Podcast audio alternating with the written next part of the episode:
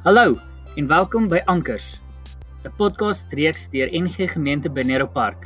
Hier voer ons gesprekke oor Jesus, die Bybel, genade, geloof en hoe ons lewens God eer.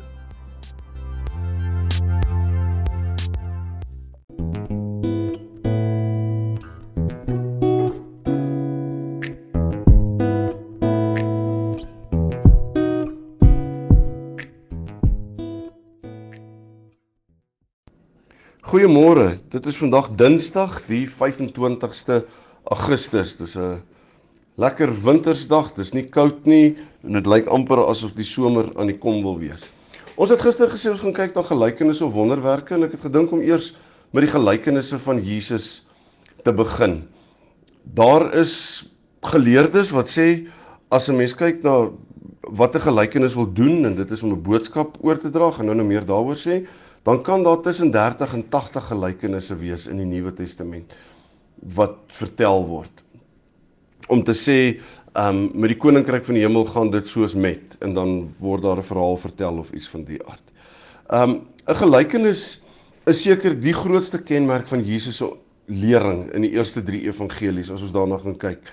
Ehm um, Matteus, Markus en Lukas. Wat interessant is dat daar staan nie dat hy met die met die skare gepraat het sonder om gelykenisse te gebruik nie. Met ander woorde, dit was altyd in die vorm van 'n gelykenis met 'n storie wat hy 'n waarheid wou oordra. So wat is 'n gelykenis? 'n Mens kan maar sê dis 'n fiktiewe verhaal, met ander woorde dit nie regtig gebeur nie, met 'n geestelike boodskap en dit bevat 'n beeldgedeelte en dan 'n saakgedeelte. Met ander woorde die beeld om te sê dit is soos met en dan is daar 'n uitlegging van die gelykenis. So Jesus haak elke keer aan by die alledaagse lewe en dan praat hy oor 'n boer wat saai of oor onkruid of ehm um, oor vergifnis of wat dit ook al mag wees uit die alledaagse lewe en dan het hy 'n spesifieke boodskap wat hy daaraan wil koppel.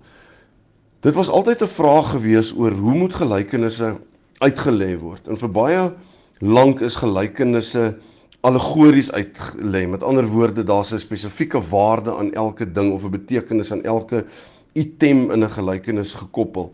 Elke onderdeel van die gelykenis is op 'n willekeurige manier um aan 'n geestelike betekenis toegeken. Byvoorbeeld, in die gelykenis van die barmhartige Samaritaan is die rowers die bose ryk van Satan en die gewonde man is die wêreld in die greep van die bose en die Samaritaan is Christus wat die gevalle sondaar kom red.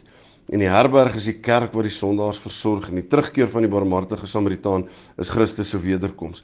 Dis hoe dit voor die 19de eeu uitgelê is. Met ander woorde daar alles is vergeestelik. Ek het een keer byvoorbeeld ehm um, ag as 'n jong seun na preek geluister waar 'n dominee gepraat het oor die vyf klippies wat Dawid opgetel het en die een is dapperheid en die ander een is dit en die ander een is dit maar hy het nooit gesê watter een het vir Goliat raak getref nie. Ehm um, maar maar dis tipies hoe daar gewerk is mee wat natuurlik 'n totaal verkeerde manier is om daarna te kyk. So sedert die einde van die 19de eeu het al meer geleerdes daarop gewys dat 'n gelykenis slegs een punt wil tuisbring en dat ons dit net deur behoorlike eksegese, dis maar net 'n woord om te sê deur goeie studie, navorsing dat ons dan by daardie betekenis sal uitkom omdat Jesus een boodskap wou deurbring met 'n bepaalde gelykenis. So ons sal wanneer ons nou deur die gelykenisse kyk, sal ons daarna kyk en elke een se betekenis probeer uitkry. Um en dat dit dan 'n manier is waar Jesus gesê dit is hoe dit met die koninkryk van God gaan. So, ons gaan vanoggend sommer net baie kortliks kyk na die eerste gelykenis waarvan ons lees um, in Matteus 13, ons lees daarvan die uh, 4de van die einde van die 3de vers, 4de vers af. Dis die gelykenis van die boer en sy saad, die een wat die saad gesaai het. En dan lees ons daar in Matteus 13, 'n boer het e-, eendag lande toe gegaan om te saai en in die saai proses 'n party van die saad op die voetpaadjie geval, voels het gekom het opgepik, ander deel weer op klipprige aarde sonder enige diepte geval en as gevolg van die vlak grond het dit vinnig um opgeskiet, maar toe die warm son begin bak, het dit verdiep of verlep en omdat dit nie diep wortel geskiet het nie, het dit heeltemal verdroog. Nog 'n gedeelte tussen die dorings geval. Toe die dorings opkom, het die dorings dit verstik. En nog ander saad het op goeie grond geval en die oes voortgebring, party 100 maal en party 60 maal en party 30 maal. soveel as wat oorspronklik gesaai is. Die verklaring van die gelykenis kan ons kry van vers 18 af. Ek gaan nie nou heeltemal daarna kyk nie, maar gaan lees dit gerus. Ek wil sommer net iets sê oor die gelykenis wat ehm um, tussen die ehm um, op die, of op die pad geval het en ehm um, dat dit nie diep wortel kon skiet en so aan nie. Die verklaring daarvan wys ook dat dit gebeur dat mense maklik in hulle geestelike lewe of in 'n verhouding met God verslap en dan uiteindelik dit heeltemal los omdat hulle nie genoeg kans gegee het vir hulle geloof ook om wortel te skiet nie, om nie te volhard nie en aanhou glo en so aan nie.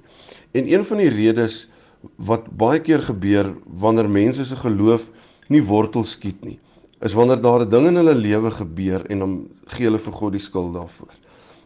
En dan voel hulle op 'n punt maar dit is net nie meer die moeite werd nie. Ek het al met 'n paar mense in my lewe te doen gekry wat gesê het hulle het ateëste geword en dan as 'n mens meer met hulle gesels dan sê hulle dat daar 'n groot teleurstelling in hulle lewe was. Iemand is oorlede of het siek geword en ehm um, mense het byvoorbeeld vir hulle gesê hulle moet net aanhou glo en aanhou bid en dan sal hulle gesond word. Dan gebeur dit nie en dan sterf die persoon en hulle geloof kon dit nie hanteer nie. So ons moet ook versigtig wees wat ons vir mense sê rondom sulke goeters. Ehm um, en dat ons te midde van moeilike omstandighede sal volhard in ons geloof, dat ons geloof sal wortel skiet en dat dit uiteindelik sal vrug dra al waai die wind hier bo en so en ek dink partykeer sommer net aan 'n prentjie die mooiste koraalriwe is op plekke waar die wind bo die see waai en is onstuimig en alles maar hier onder in die see wat nie eers baie diep is nie, is die mooiste koraalriwe, mooiste plante groei en die visse en alles. En dan sal jy nie sê dit is hoe dit daarbo gaan nie. Nie dat daarbo nie stormwinde is nie, dit is daar. Maar ons moenie toelaat dat dit die mooi van ons lewe wegvat nie.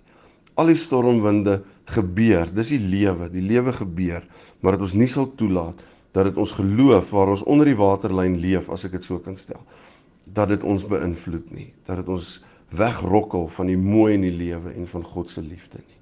Kom ons bid saam. Hemelse Vader, ek wil bid vir elkeen wat ver oggend dalk stoei met geloof, en of dit die moeite werd is en of daar regtig God is. Baie van ons was al daar. Maar ons wil bid vir elke ene wat op die oomblik op daardie plek is. Here dat U op 'n bonatuurlike manier net vir hulle sekerheid sal gee dat U daar is al waai die wind en al is daar stormwinde en alles, maar dat ons kan weet dat ons is veilig by U, dat ons altyd na U toe sal hardloop. Dankie vir U troos en dat U vir ons 'n skuilings is. Amen. Lekker dag verder. Ons gaan môre na die gelykenis van die onkruid kyk, Matteus 13 vers 24 tot 30. So gaan lees dit so lank gerus. Lekker dag verder vir almal.